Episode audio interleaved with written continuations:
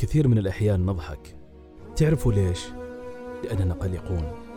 نضحك عشان نغطي على توترنا. نضحك لمجاملة هذا الشخص أو ذاك. أو ربما لنظهر بشكل أفضل في المناسبات الاجتماعية. الكثير من الضحكات اللي تشوفها هي مزيفة مخادعة غير حقيقية. صدقني الضحكات الحقيقية لا تحدث كل يوم.